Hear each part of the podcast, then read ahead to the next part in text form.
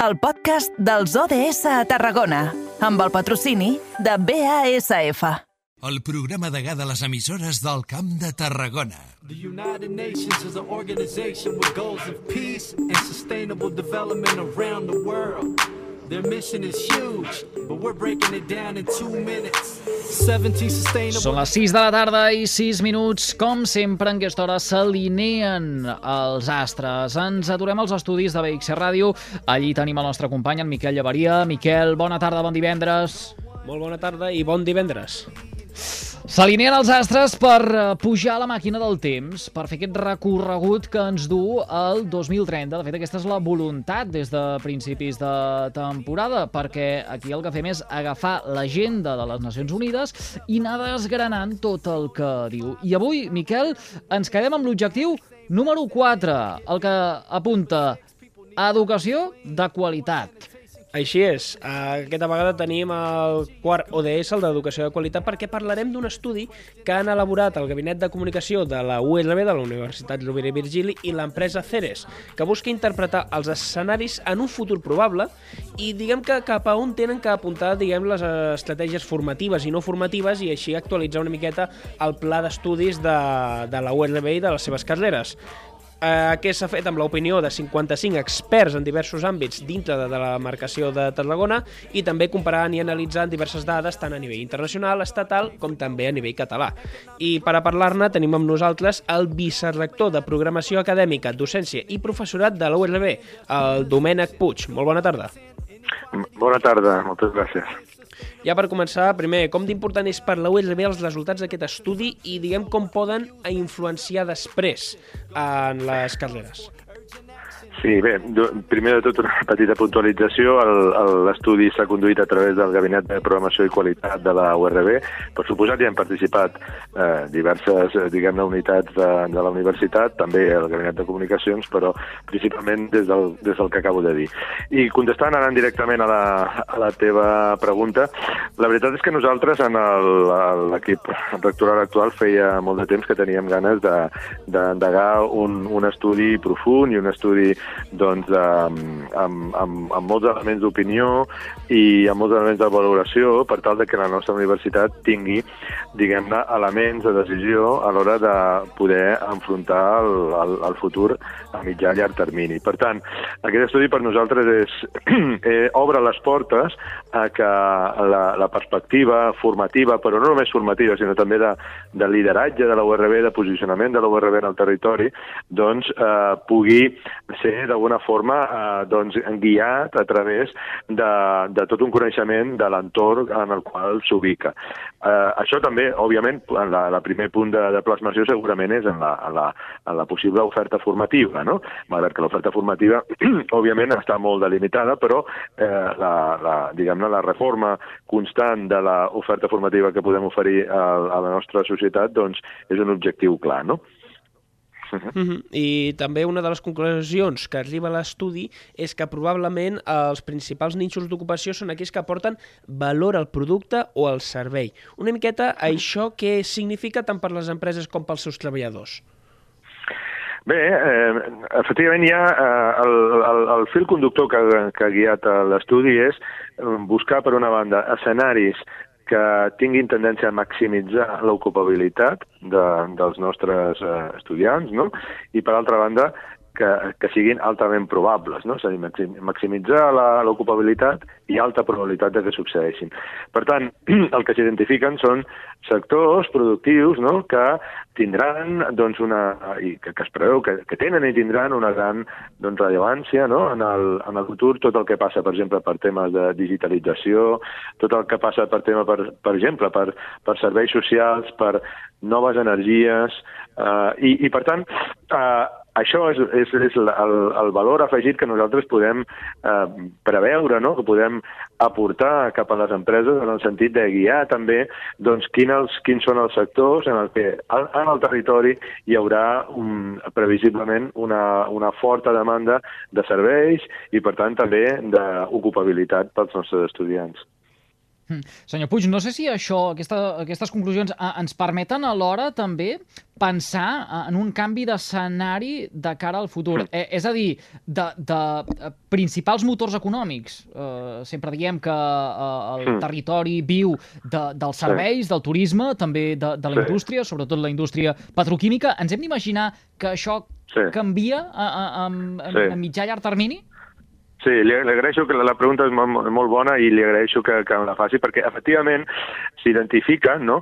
doncs, eh, nous sectors que, que poden ser emergents i que el nostre territori es pot posicionar de forma clara. Per exemple, per exemple des de la URB vostès sabran de que ja fa temps estem promovent eh, doncs una iniciativa que anomenem la Vall de l'Hidrogen, en el sentit de que Sí. les noves energies promogudes a través de la- de, de l'hidrogen no? doncs puguin tenir una implantació aprofitant tota la infraestructura, per exemple, química, no?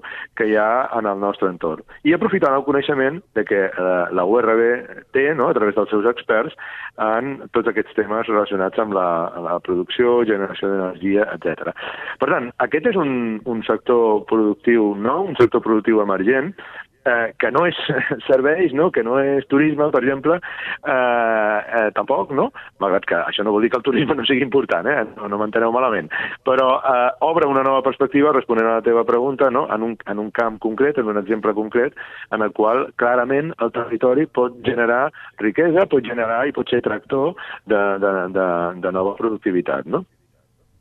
Mm, I també jo la veritat te volia preguntar perquè Mhm. també parla molt d'una cosa que hem escoltat bastant, que és el tema de la flexibilització no, del mercat laboral Mm. i de que Sí. els treballadors han de ser més flexibles, potser una miqueta Sí. com multidisciplinars, una miqueta això Sí. com a través de la universitat, a través dels diversos estudis Sí. que ofereixen, ho poden aconseguir, eh, diguem, oferir tots aquests coneixements que ara hem, han de tenir els nous treballadors, com per, poden ser en noves tecnologies.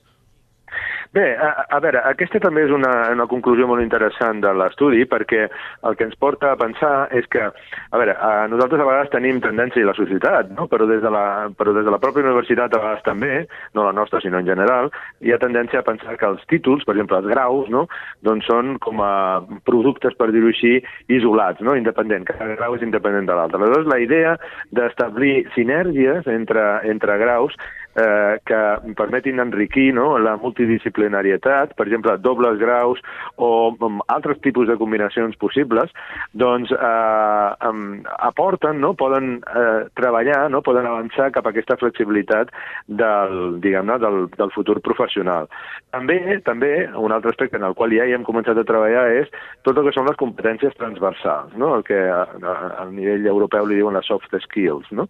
les competències transversals a nivell de, de treballs amb equip, de competències digitalitzadores, de competències en, en terceres llengües, de lideratges, etc. Tot això hem començat a treballar i puc dir que, mm, eh, modestament, no? però puc dir que som una universitat pionera a nivell de l'Estat en el sentit de tenir ja un pla pilot en el qual en l'expedient de l'estudiant, en l'expedient acadèmic de l'estudiant, eh, hi apareix finalment una avaluació de les competències que té l'estudiant, aquestes competències transversals que té l'estudiant a l'acabar la carrera. No? Per tant, tot això és el que permet d'alguna forma de, mm, avançar no? cap a aquesta formació flexible i i cap a aquesta formació multidisciplinar que ens parla aquest estudi. Mm? Senyor Puig, eh, l'estudi detecta diverses amenaces, eh, entre elles, per exemple, manca d'inversió en eh, recerca, incapacitat també per mantenir el talent, aleshores això ens porta a parlar d'allò que popularment anomenem com a fuga de cervells, o la falta també de planificació per part de l'administració. Com es fa front precisament a aquestes amenaces?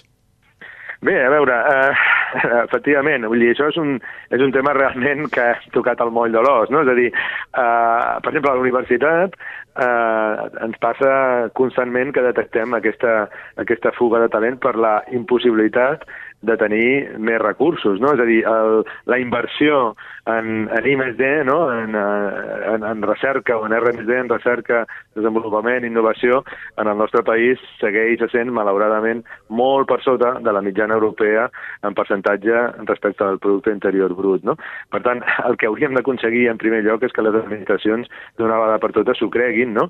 i, i, i, i, i d'alguna forma impulsin el, la, la, la, la recerca, la investigació, la innovació, perquè això és el que acaba produint riquesa, això és el que queda de cara al futur, no les inversions a curt termini, no diguem-ne, afavorir aspectes de, de curta volada, de, de, de poc valor afegit, de poc retorn. No? Aleshores, eh, cal, cal més inversió definitivament en R+D més I, però també cal que les empreses s'ho creguin, és a dir, no només l'administració, sinó també a les empreses. Eh, les empreses han de ser capaces de eh, començar a, a, no només a pensar en, en producció, en produir, en produir, sinó també en, en innovar en la producció. Eh, bueno, penso que és un tema, per una banda, cultural, però també és un tema mm, de, de saber dedicar, o sigui, de, de planificar a, a on s'han de dedicar els recursos eh, per tal de mirar un pèl més enllà que no pas la curta mirada que normalment es té. Uh -huh. I ja també, finalment, és que quan mires l'estudi hi han com dues coses que se queden molt clavades. La primera és que considera la universitat com un agent impulsor del canvi territorial, mm. cito textualment. Mm. I també, per un altre costat, la marca molt de que la universitat també està davant d'un repte de transformació. Al final, quins són els passos que ha de seguir la USB? Bé, la nostra universitat té una característica molt singular eh, respecte a d'altres, no? i és la seva implantació territorial. No? Potser per la pròpia ecosistema, diguem-ne, de, de, eh, de distribució del territori a, la, a les comarques de Tarragona, no?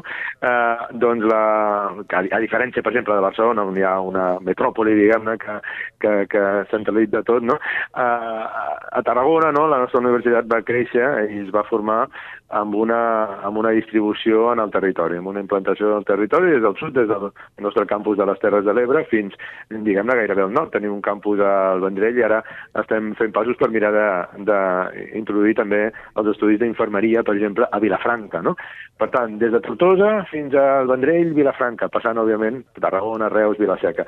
Què vol dir això? Vol dir que eh, la URB és present a més a més en totes les seves antenes del coneixement a quantitat de municipis i eh, a quantitat de zones de la, o sigui, per tota la nostra demarcació. I per tant, segurament no, és la gent eh, més potent, a més a més, com, com, a, com a, si ho miréssim com una empresa, l'empresa amb més treballadors de, de, la, de, la, de la província no? de Tarragona, i per tant, eh, per tots aquests factors i per la seva capacitat, òbviament, de generació de coneixement, d'expertesa i tal, en, en multitud de sectors, no? és una universitat pluridisciplinar, doncs és l'ens, no? diguem-ne, de, la, de la província, no?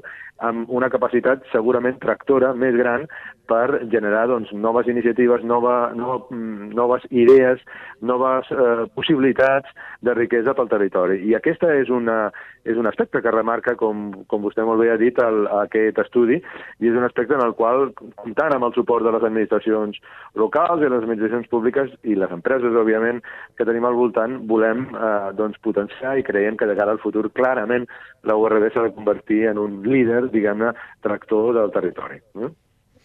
Domènec Puig, vicerrector de Programació Acadèmica, Docència i Professorat de la Universitat Rovira i Virgili. Gràcies per acceptar la trucada del carrer Major de les ràdios de la xarxa al Camp de Tarragona, un programa de quilòmetre zero, un programa de proximitat i en el que ens agrada fer bandera també sempre de la nostra universitat. Mm. Eh, qui millor que per parlar-ne que les emissores del Camp de Tarragona? Moltíssimes gràcies a vostès per l'interès i gràcies per, per convidar-me a parlar en aquesta estona el seu programa. Moltíssimes gràcies.